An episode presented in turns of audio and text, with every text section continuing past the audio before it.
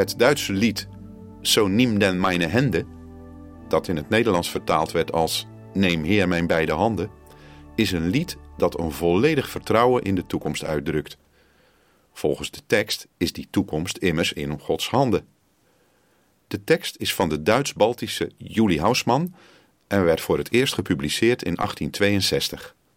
De melodie van het lied is van Friedrich Sieltjer.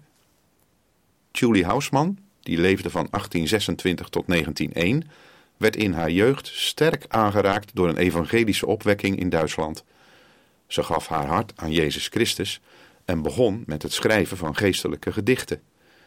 Die schreef ze in eerste instantie alleen voor zichzelf. Maar op verzoek van de uitgever Gustav Nack gaf ze uiteindelijk toch toestemming voor anonieme publicatie.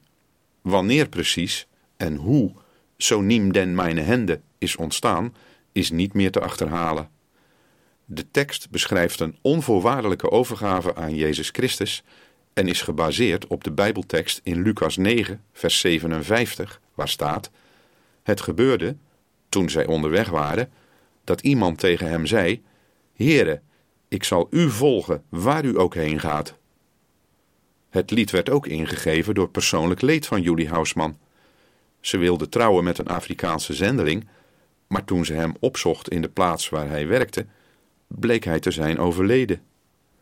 De eerste versie van het gedicht had een bijzondere vorm die met geen enkel traditioneel kerklied overeenkwam.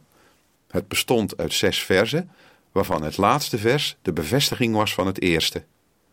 Rond 1870 had So niem den meine Hände zijn definitieve vorm en melodie gekregen. Het rustige karakter van die melodie past wonderwel bij het vertrouwen waarvan Julie Hausman spreekt. Het is opvallend hoe snel het lied in Nederland opgenomen is met de titel Neem Heer mijn beide handen. Het wordt zowel in protestantse als rooms-katholieke kerken gezongen en dat is bijzonder. Het lied is ook één van de meest gezongen liederen geworden bij begrafenissen. Zo werd het gezongen tijdens de uitvaartplechtigheid van prins Klaus. Dat was in de oorspronkelijke Duitse versie. Het lied is zo populair geworden omdat het een vertrouwd beeld schetst van de toekomst.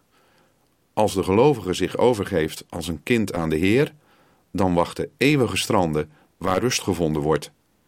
Verder gaan zonder God valt te zwaar. De gelovige wil meegenomen worden door God, als een hulpeloos kind dat blindelings vertrouwt op de goede uitkomst. Het is opvallend dat de intentie van de tekst zo goed overeenkomt met wat de toekomst brengen mogen van Jacqueline van der Waals. Daar spreekt ook een onbegrensd vertrouwen uit in God, zoals Hij ons de toekomst inleidt. Zowel Jacqueline van der Waals als Julie Hausman geven aan dat ze die toekomst weliswaar lang niet begrijpen, maar dat ze toch het volste vertrouwen hebben. De voortdurende populariteit van het lied in Nederland staat in schrille tegenstelling tot de langzame en aarzelende opname in liederenbundels van de officiële kerken in Duitsland. De Duitse evangelische kerk vond het in 1915 weliswaar een geestelijk volkslied, maar toch niet geschikt voor de zondagse eredienst. Alleen in het evangelische gezangboek uit 1993 is het opgenomen als volwaardig kerklied onder de rubriek Geloof, Liefde en Hoop, dus niet onder sterven en eeuwig leven. Opvallend is dat het lied vroeger in Duitsland op bruiloften gezongen werd als de echte lieden elkaar de hand gaven. Maar boven alles is het een kerklied waar een oneindig vertrouwen in God uitspreekt. Luistert u naar koor en samenzang vanuit de Grote of Sint-Stefanuskerk in Hasselt met als soliste Judith Sportel.